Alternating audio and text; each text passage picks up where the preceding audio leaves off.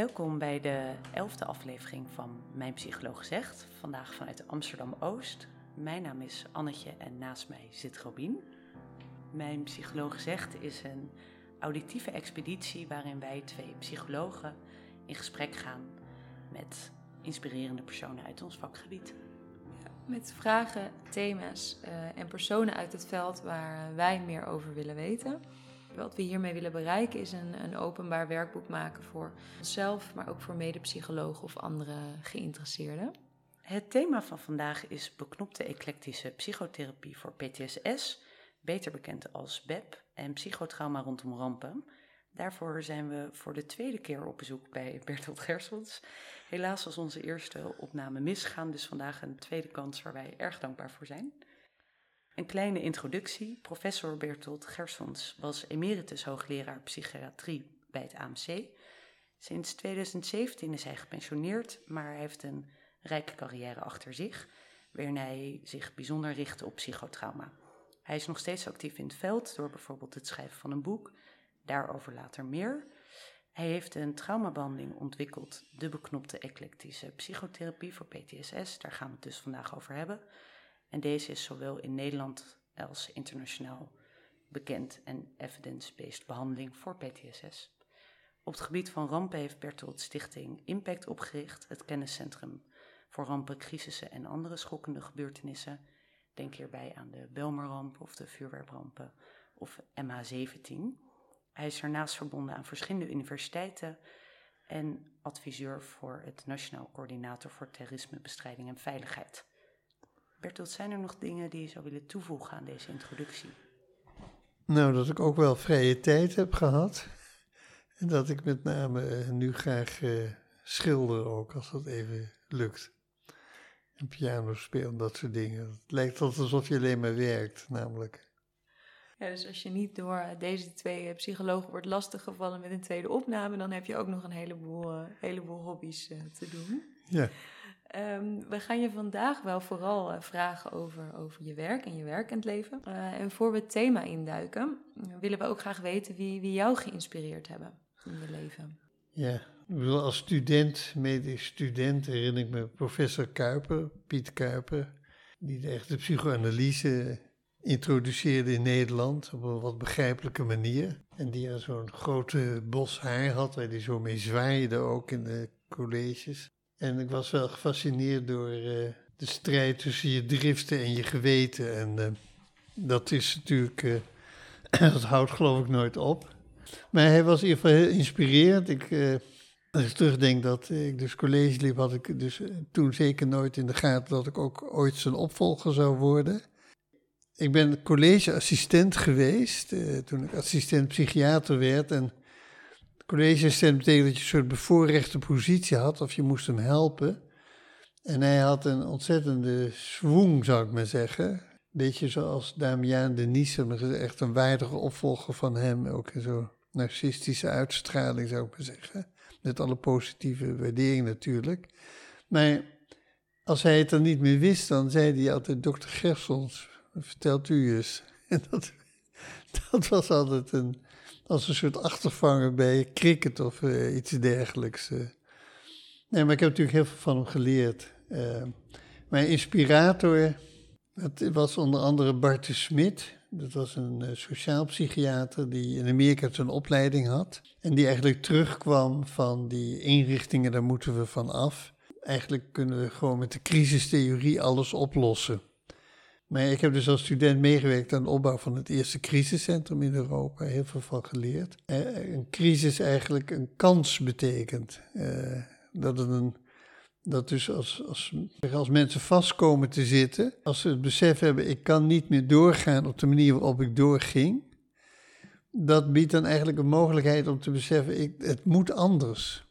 Het geeft een hele hoop onzekerheid, maar het geeft ook een hele hoop mogelijkheid. Dat heb ik heel erg in die crisis, in dat crisiscentrum ook gezien. Uh, en begon toen ook later te begrijpen dat psychotherapie voor een deel eigenlijk is mensen in crisis brengen. Dat, dat klinkt dan eigenlijk niet als echt als aantrekkelijk voor veel mensen. Maar ja, door, maar dat weten jullie, dat doen jullie natuurlijk dagelijks, door die vragen te stellen, uh, is het, stel je niet mensen alleen maar gerust, maar je stelt vragen waardoor mensen eigenlijk ja, uh, onzeker worden. En uh, als wij uh, moeten gaan nadenken, hoe zit het eigenlijk? Hoe, hoe is het met me? Wij, wij, wij botsen tegenaan.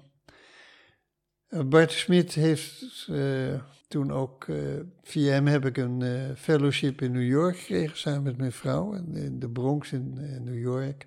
En dat was ook een, een eye-opener, zou ik maar zeggen. En daar dus erg geïnspireerd geraakt door ja, mensen die ook juist die gemeenschapsproblemen zagen. En ook dat je als psychiater niet alleen maar individueel moet behandelen, maar dat je moet proberen een gemeenschap te helpen. En dat heeft later bij die rampen enorm uh, geholpen. Nee, dus als, als ik terugga van, van ook Amerika, maar naar, naar wie de mensen zijn die je geïnspireerd hebben, dan zeg je eigenlijk ook de mensen die jou kansen hebben gegeven. Ja, ja. En ook om je, je, of het nou in het ziekenhuis is, of dat het nou in het buitenland is, maar om je blik op de wereld te verbreden. Ja, ja. En ik was denk ik behoorlijk uh, nieuwsgierig. Waardoor die mensen veel vertelden ook. En uh, dan moet ik nog één iemand noemen, dat was Arie Querido. Dat was uh, de zoon van de uitgever. En die was een fysioloog van oorsprong. En die was erg geïntrigeerd door het idee van homeostase. Dat eigenlijk het lichaam zelf voor zijn processen zorgt, dat je daar niet over hoeft na te denken. En dat er dus een soort automatisch evenwicht is waardoor we bestaan. Kennen, dat was zijn promotor, die had dat ook bedacht dat het ook in psychologisch opzicht zou zijn en in sociaal opzicht. En hij heeft dat eigenlijk meegenomen. Hij is uh, de psychiatrie gegaan, heeft toen gewerkt in een inrichting en de geest en schrok toen zo van de toestand van die mensen dat hij toen in Amsterdam de acute psychiatrie heeft opgericht om te voorkomen dat mensen opgenomen zouden worden. Nou, is veel meer gedaan. is ook nog de AWBZ is van zijn hand geweest ooit. Eh, AWBZ? De Algemene Wet Bijzondere Ziektekosten bij nu WO en UWV, al dat soort dingen. Heel veel van die sociale regelingen. Maar um, dat preventiedenken, dat uh, heb ik heel erg van hem uh, gekregen. En de acute psychiatrie is dus een plek waar mensen even tijdelijk uh, ondersteund kunnen worden en daarna weer terug naar hun eigen woning kunnen gaan. Nee, je, dat is mensen, je zoekt mensen in hun eigen huis op, eh, in acute situaties. En je probeert dan die crisis van dat moment enigszins op te lossen. Soms moet je wel mensen opnemen. En de bedoeling is dat je daarna bij die mensen langs blijft gaan en contact en een steunsysteem bouwt, zodat ze niet opgenomen hoeven te worden. En dat werk heb ik zelf dus lang ook gedaan. Waar kunnen cliënten jou aan herkennen qua stijl? Ik denk dat mensen heel echt, echte belangstelling ervaren. En ook rust, dat vonden mensen altijd heel opmerkelijk, dat ik zo rustig blijf. Niet dat ik altijd zo rustig ben, maar in ieder geval...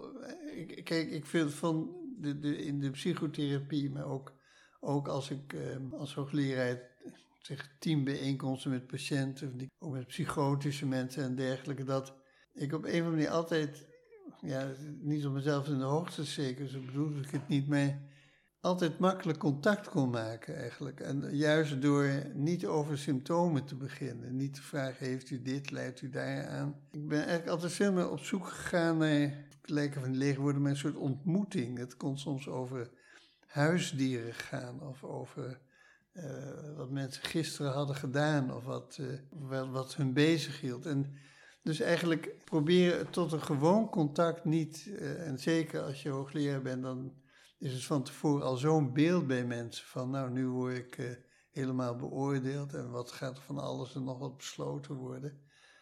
Maar ja, als, het, als je dan gewoon blijkt te zijn, dan is het voor die mensen heel prettig. Sommige mensen kunnen ook wel trouwend van worden natuurlijk, maar ik denk die rust en. Die rust kunnen wij bevestigen ook trouwens. Want ook toen wij dus in de spanning zaten over die opname, toen blijf je ook gewoon heel rustig. En uh, ik weet niet of wat er dan van binnen bij jou gebeurt, maar in ieder geval blijf je rustig in, de, in deze technische chaos. Ja, nou ja. En ik kan dus, uh, maar dat is niet iets wat ik bewust doe, maar ik ben vaak lang stil daarna. Dus in, eenmaal kennis gemaakt, dan ben ik vaak lang stil. Omdat ik eigenlijk, ja, het gaat niet om mij, maar het gaat om die ander. En, ja. Ik heb het eigenlijk nooit zo gevraagd, maar jij, Kijk, er zijn ook mensen geweest die een hekel aan me hebben gehad. Of waar het niet goed ging. En kreeg je dan te horen waar het hem in zat? Uh, verwijten ook. Maar dat ik dat niet altijd even duidelijk eh, voor me was wat, eh, wat het was. Dan was er op een of andere manier denk ik iets misgegaan of iets verkeerds gezegd. Maar het is ook, het is ook zeg, iets wat, natuurlijk, wat heel moeilijk is. Je, je, ik denk dat jullie ook kennen. Je moet een soort klik hebben. Ik bedoel, dat is eigenlijk met ieder mens. Als je iemand ziet, dan weet je niet dat je al heel veel ideeën over die persoon hebt. Dat het gevoel al is, mag ik die persoon of niet? En dat gaat razendsnel zonder dat je iets weet over een ander. En dat is denk ik iets wat ook wel een rol speelt. Want als ik dan denk inderdaad de mensen die, waar het niet goed ging. Als ik terugkijk, denk ik, ja, die klik was er niet. Die klik was er niet. En ik heb ook wel, ook, maar dat had meer met traumatisch gebeurd. Als, als het te dichtbij kwam, dat ik zei, dat doe ik niet. Dat, ik ja. liever dat je naar iemand anders gaat. Ja, dat het een bewuste keuze was eigenlijk. Ja. ja. ja.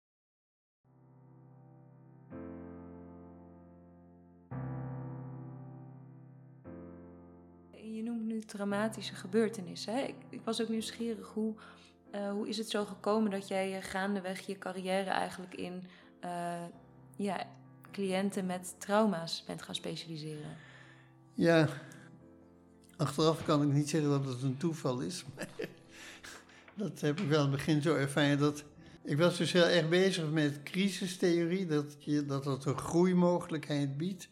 En het andere was proberen te voorkomen dat veel mensen in die psychiatrie belanden. Een ander deel van mijn bestaan, waar we het verder niet over hebben, is geweest juist om voor chronische patiënten allerlei arrangementen tot stand te brengen.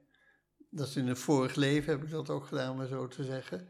Maar die andere kant, dat preventie, dat heb ik toen, mijn proefschrift ging over consultatie uh, aan een buurtproject, uh, Potjeskadebuurt Amsterdam, waarbij je dus aan huisartsen, werkverpleegkundigen, kleuterlijsters, uh, politiemensen, eigenlijk met hen sprak over mensen waar zij vragen over hadden. En dat ging niet om te zeggen, dit moet je doen, maar dat ik vanuit, zoals wij daarover kunnen denken, ideeën hebben, dat zij vaak zeiden, oh, nu kan ik er weer verder mee. En dat eigenlijk dus in een andere beroepsgroep, in sleutelfiguur, die kennis uh, werd opgenomen. En ik heb dat, uh, ik gaf consultatie aan wijkagenten ook, uh, die met best heel veel lastige mensen, lastige situaties te maken hebben.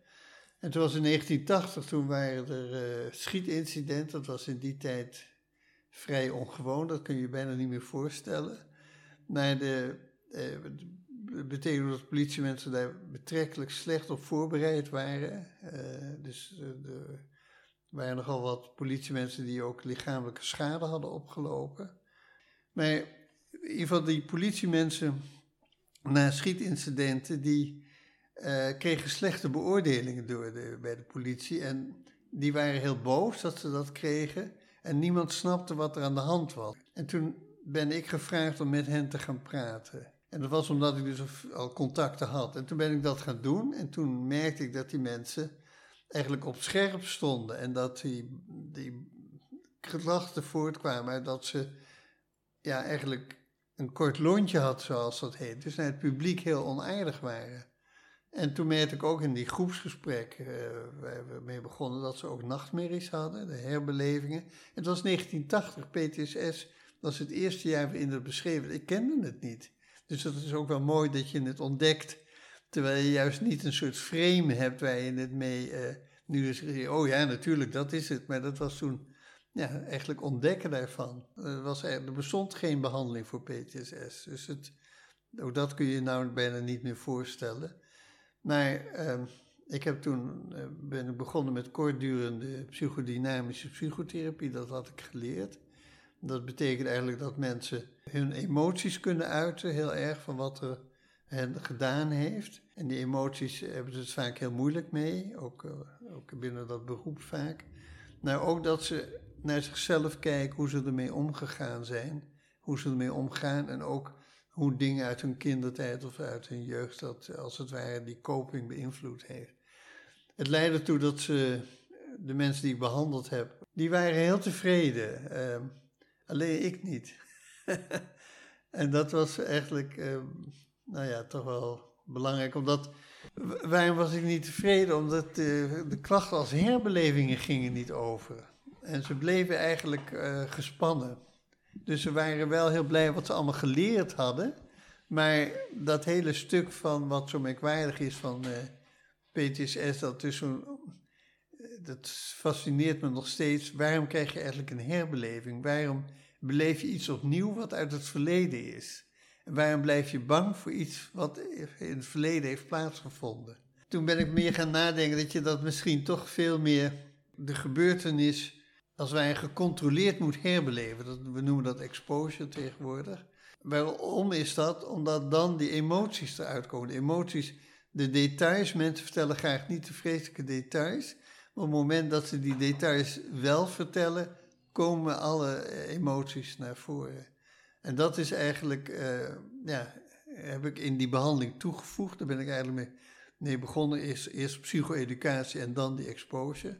Ja, nu begin je eigenlijk ook een beetje de, de structuur van de BEP uit te leggen. Ja, en hoe dat zo is opgebouwd. Ja, ja, ja, maar dat heb ik aldoende dus uh, ja, ontdekt en bedacht eigenlijk.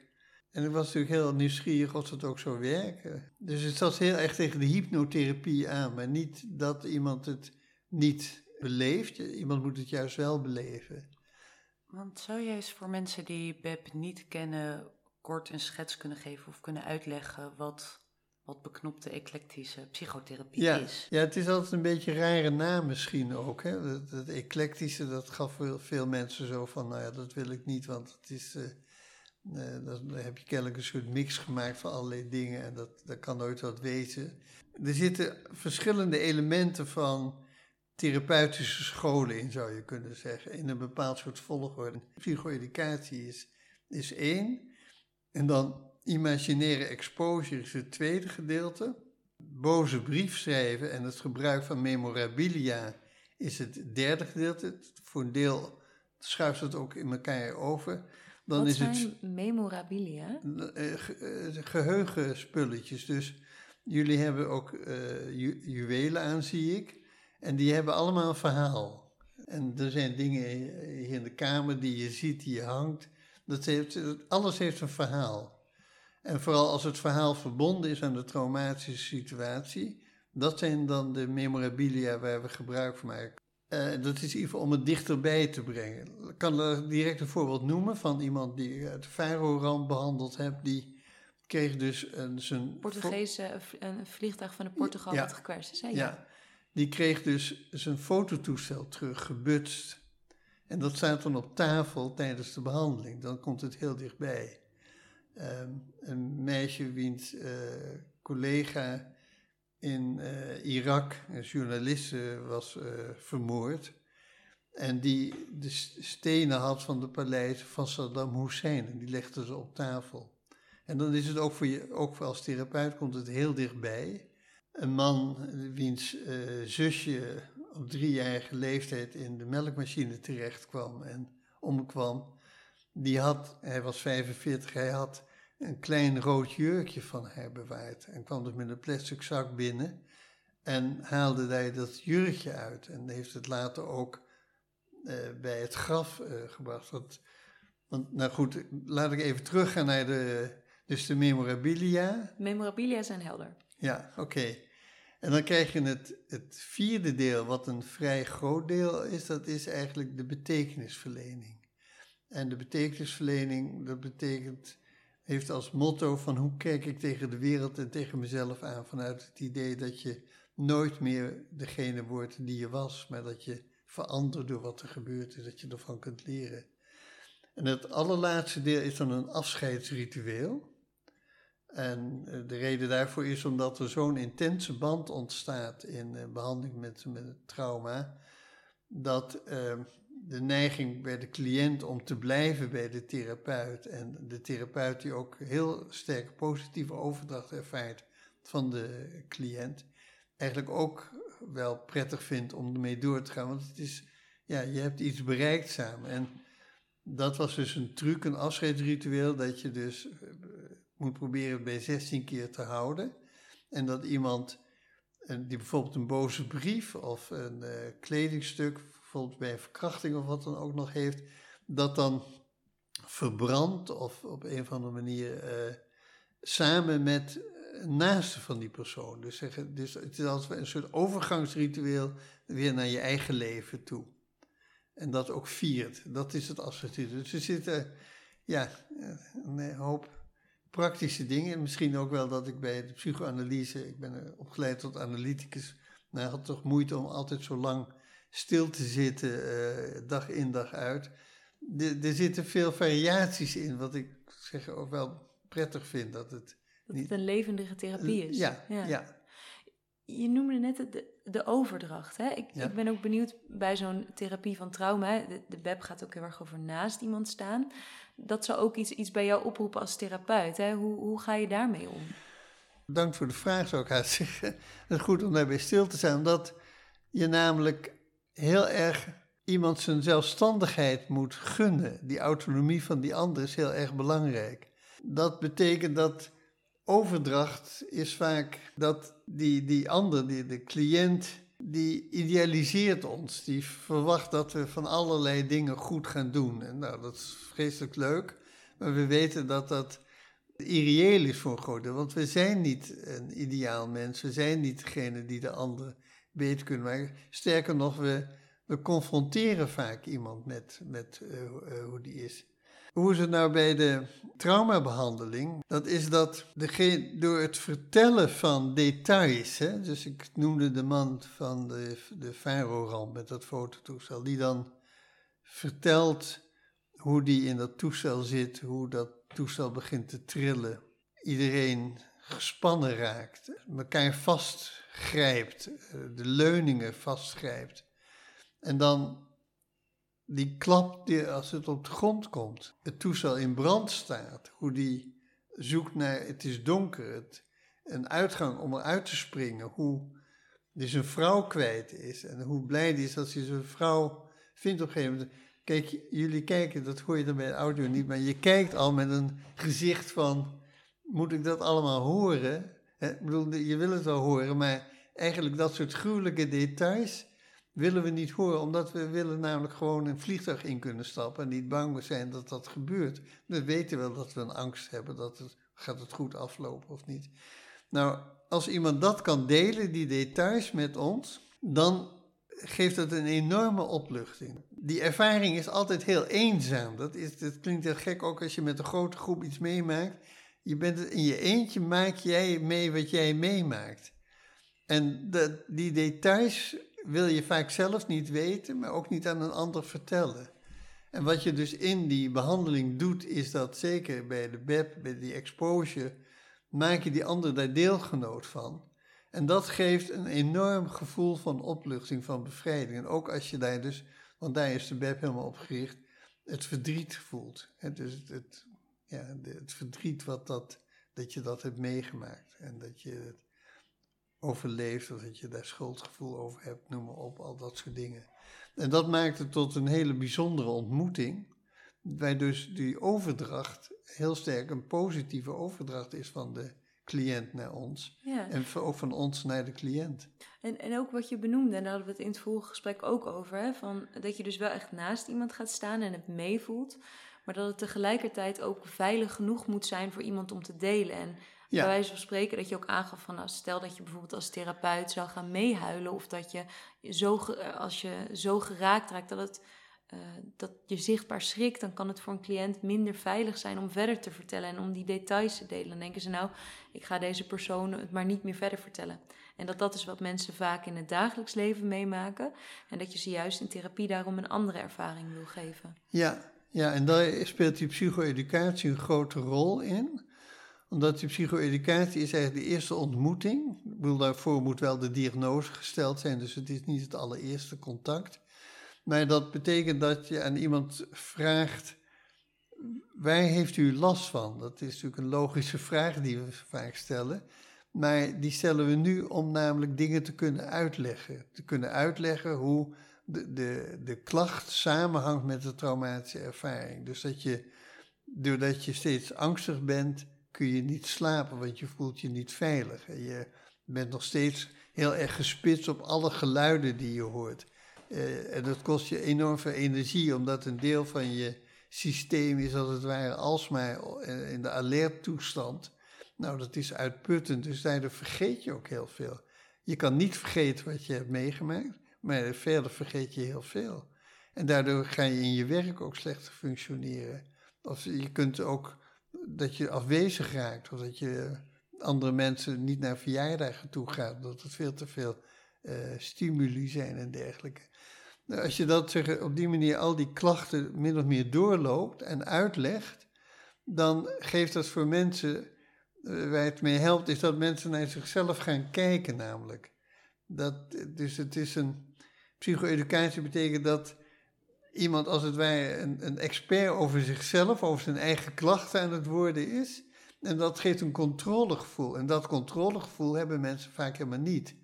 Dus kijk, als je voor het eerst naar een therapeut gaat, dan denk je vaak, ik moet nu alles vertellen. Hè?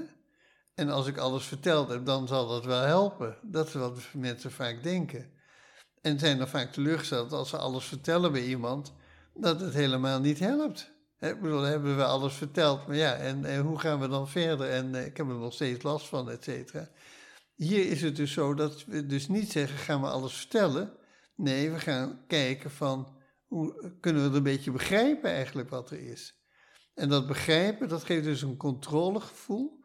Daardoor is die psycho-educatie bestaat eigenlijk uit drie stukjes. Dat is eerst die klachten, die klachten verbinden met de traumatische ervaring, uitleggen wat een traumatische ervaring is, hoe dat het angstsysteem beïnvloedt, hoe dat je geheugen inperkt. En het derde deel is dat je uitlegt op basis van de vorige dingen hoe die behandeling in elkaar zit. Waarom je eerst die exposure moet hebben, waar je weer terug moet gaan naar je emoties. En later eigenlijk pas kunt gaan spreken van wat het met je gedaan heeft.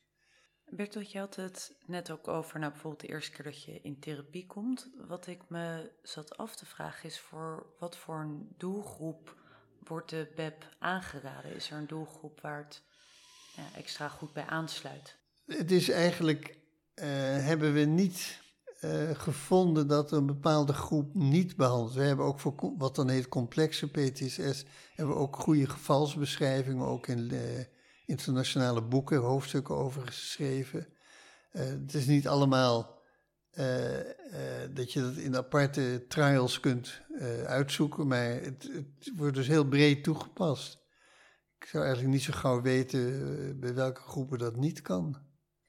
En EMDR, je noemde het net zelf ook al even, dat is iets wat veel onderzocht is, wat ook best wel bekend is nu. Ja. Wat maakt dat EMDR vaak als eerste wordt gekozen of dat dat zo bekend is en de BEP uh, wat minder bekend is. Nee, maar het is een hele werkzame behandeling. We hebben het ook, uh, Mirjam Nederland heeft het proefschrift over geschreven, ook een bekend artikel geworden. Dus waar BEP en EMDR vergeleken is en het dezelfde resultaten heeft. Dus het is even effectief. De reden waarom BEP misschien minder bekend is, of zeker minder bekend is, is dat er geen vereniging achter zit. Dus de hele EMDR is een is een bedrijf geworden met verenigingen en uh, rangen en standen, zal ik maar zeggen. Uh, ja, een beetje als de psychoanalytische vereniging ooit ook was opgericht.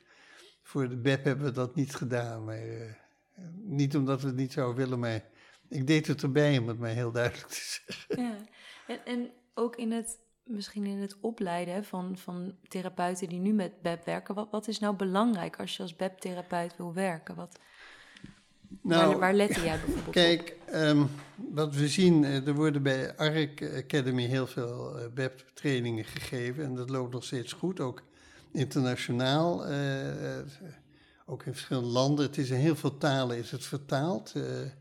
Um, dat is eigenlijk wat je nu ziet. Ik vind het wel een mooie volgorde eerlijk gezegd. Dat veel therapeuten beginnen met EMDR, want het is, dat is makkelijker te snappen. En het, het geeft je ook een heel gevoel van controle, want je moet veel doen en dan, uh, nou, uh, je hebt vaak gauw succes, dat dat beeld verdwijnt, dan maar zeggen, wauw, wauw, wauw. Um, maar wat, wat je vaak ziet is dat daarna eigenlijk een volgende fase komt, dat therapeuten ook gaan merken dat het niet alles is, om het maar zo te zeggen. Dat het niet, niet echt leren is van de ervaring, niet echt doorwerken daarvan. En dat is eigenlijk als je veel meer. Het is ook, laat ik ook zeggen dat het beleven van de emoties uh, is eigenlijk iets waar je zelden over gesproken wordt. Het gaat altijd over spanning. Hè? Dus je moet altijd naar nul. Dat is, en de patiënt ook proberen allemaal naar nul te komen. Hè? Van hoeveel is het? Acht, oh, zeven, zes. Wauw. Dus het, je, je bent op een hele andere manier bezig met die traumatische ervaring dan in de BEP. In de BEP gaat het over wat heb je meegemaakt. En wat doet dat met je? En wat leer je ervan? En dat is een heel ander verhaal. En dat is iets waar wij dan therapeuten vaak naar de BEP gaan. Ik moet zeggen, de netbehandeling heeft dat op een andere manier die gebruiken. Ik bedoel, die plaatsen de gebeurtenissen in het levensverhaal. Als je, als je het zo noemt, dan klinkt EMDR inderdaad ook meer klachtgericht, terwijl uh, web en net het meer integreert en breder kijkt. Ja. Terwijl, ik kijk ook even naar Annetje, die dat misschien na een EMDR-behandeling of voorafgaand aan een EMDR-behandeling ook doet, maar dat het niet zo in het EMDR-protocol zit. Het zit niet standaard in het protocol, maar het kan wel, het kan wel erin voorkomen als mensen bijvoorbeeld vastlopen tijdens de EMDR en je merkt dat iets niet stroomlijnt, dan kun je wel bepaalde vragen stellen of kijken of je iets weer kan laten stromen, maar er is niet in het protocol ruimte voor betekenisgeving ervoor. Nee, daar waren uh, bij BEP en NET wel echt ja. uh, En NET, voor wie het niet kent, narratieve exposure therapie. Nou, je ziet nu langzamerhand de, de ontwikkeling om, dit, om die verschillende behandelingen te integreren, hè, daar veel meer modulair mee om te gaan. En dat is door de traumatapes op Cyflix nogal gestimuleerd. Omdat we toen zagen dat eigenlijk al die dingen verschillende mogelijkheden bieden. Een andere nou ja, tak van sport waar je je ook in begeven hebt, is, uh, zijn eigenlijk hè, dus de, de nationale rampen. Mm -hmm. um, en dat is even schakelen van het volgende onderwerp. Maar wat maakt het belangrijk om daar als maatschappij ook stil bij te staan? Dat is nogal een grote vraag, uh, Robin, als je het zo zegt. Um, We zijn er nou toch, dus ik dacht... Ja, ja.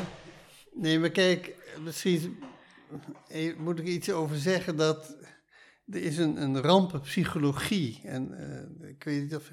Ik weet niet hoe ver psychologen eigenlijk dat leren of daarmee kennis maken. Dat, het woord rampenpsychologie is de eerste keer dat ik het hoor, dus tot zover mijn kennis. Oh ja? Nou, dat is een bescheiden start dan inderdaad. Het is ongelooflijk, vind ik dat ergens. Hè? Maar uh, het is nou eenmaal zo. Het komt omdat er zo weinig rampen in Nederland plaatsvinden, denk ik. Dat, uh, Klop even op je houten tafel. Ja, ja, ja. Als een ramp plaatsvindt, dan betekent dat er sprake is van dood en verderf. Impact is dat. Iedereen is buitengewoon angstig, schrikt enorm, omdat het ons confronteert met onze eindigheid.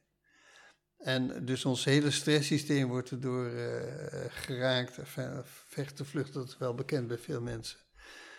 Wat je daarna ziet, uh, dat heet de honeymoon fase. Dat is een, eigenlijk vaak na een, een week of twee weken dat is dat het overleven geeft een, eh, en het, het redden van mensen geeft een enorme verbondenheid. Een gevoel van er samen voor te zijn.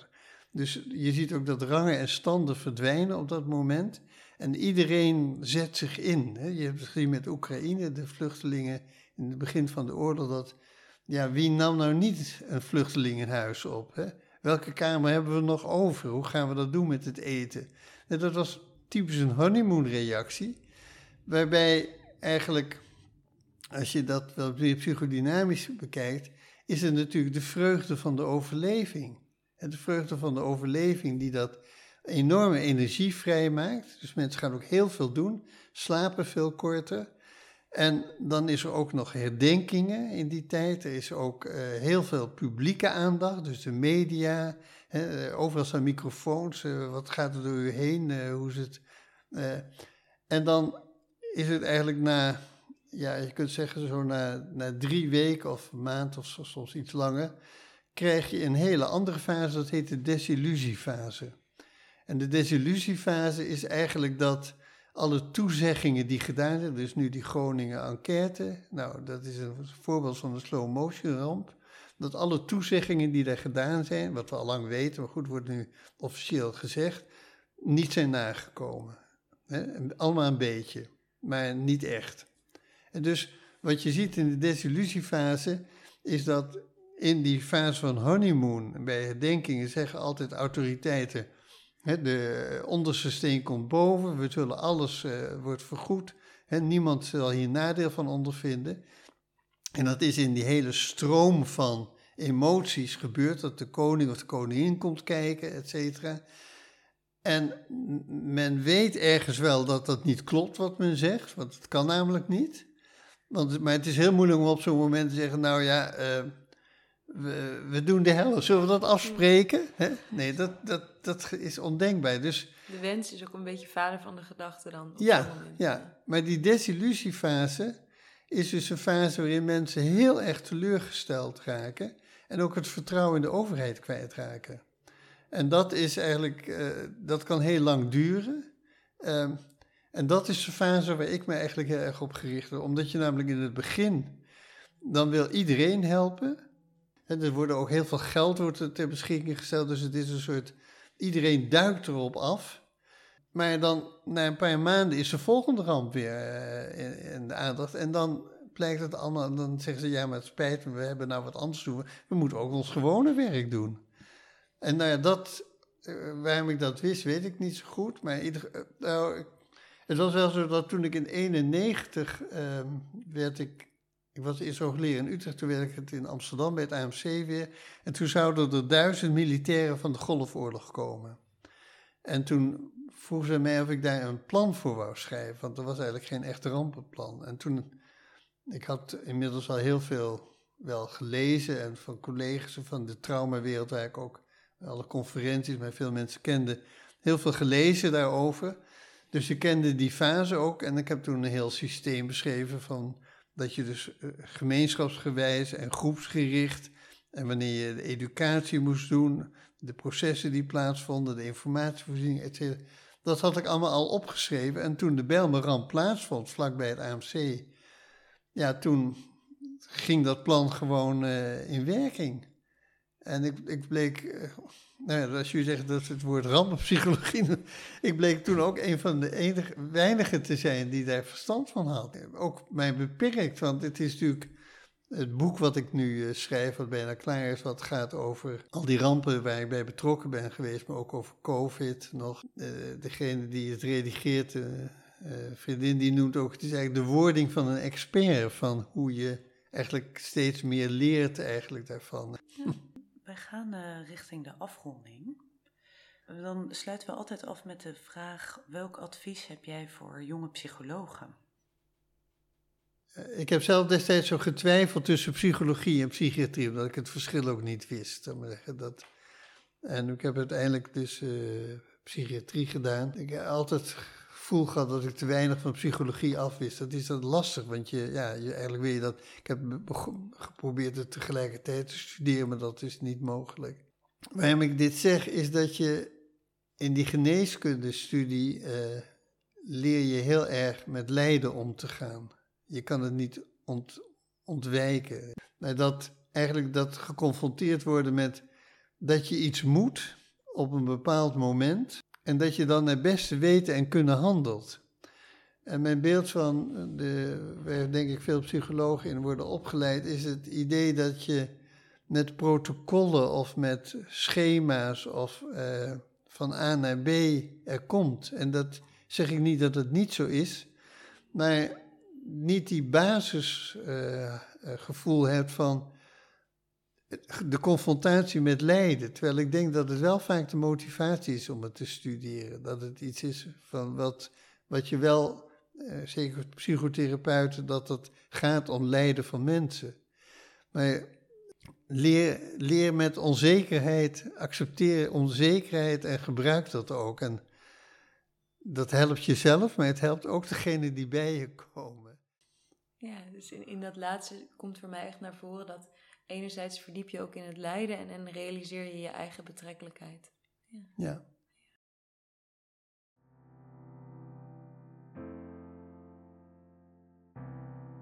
Dankjewel. Dank jullie voor je mooie vragen en dat je dit wil doen ook. Ja, ja, ja dit was al onze elfde aflevering. En we zijn blij dat we de, voor de tweede keer bij jou op bezoek mochten komen. Ik zit te denken, ik moest tijdens dit gesprek ook denken dat jij benoemde dat een van jouw karakteristieken in het werken de stiltes zijn. En dat is misschien een mooi bruggetje naar onze volgende gast, uh, Peter Robert. Denk ik dat ik het zo goed uitspreek. Het is een Vlaming. Rober. Rober? Volgens mij Rober. Okay, Peter Rober. Um, en uh, die gaan we spreken onder andere over stiltes. Mooi. Heel goed. Ja. ja. Succes. Dankjewel. Dankjewel. Ik zit nu enorm te twijfelen of het niet toch Robert is. Dat ik je nu op zit. Uh... Nou, dat gaan we de volgende keer van hem horen, toch? Ja. ja. ja. Alright. Alright, dat was hem.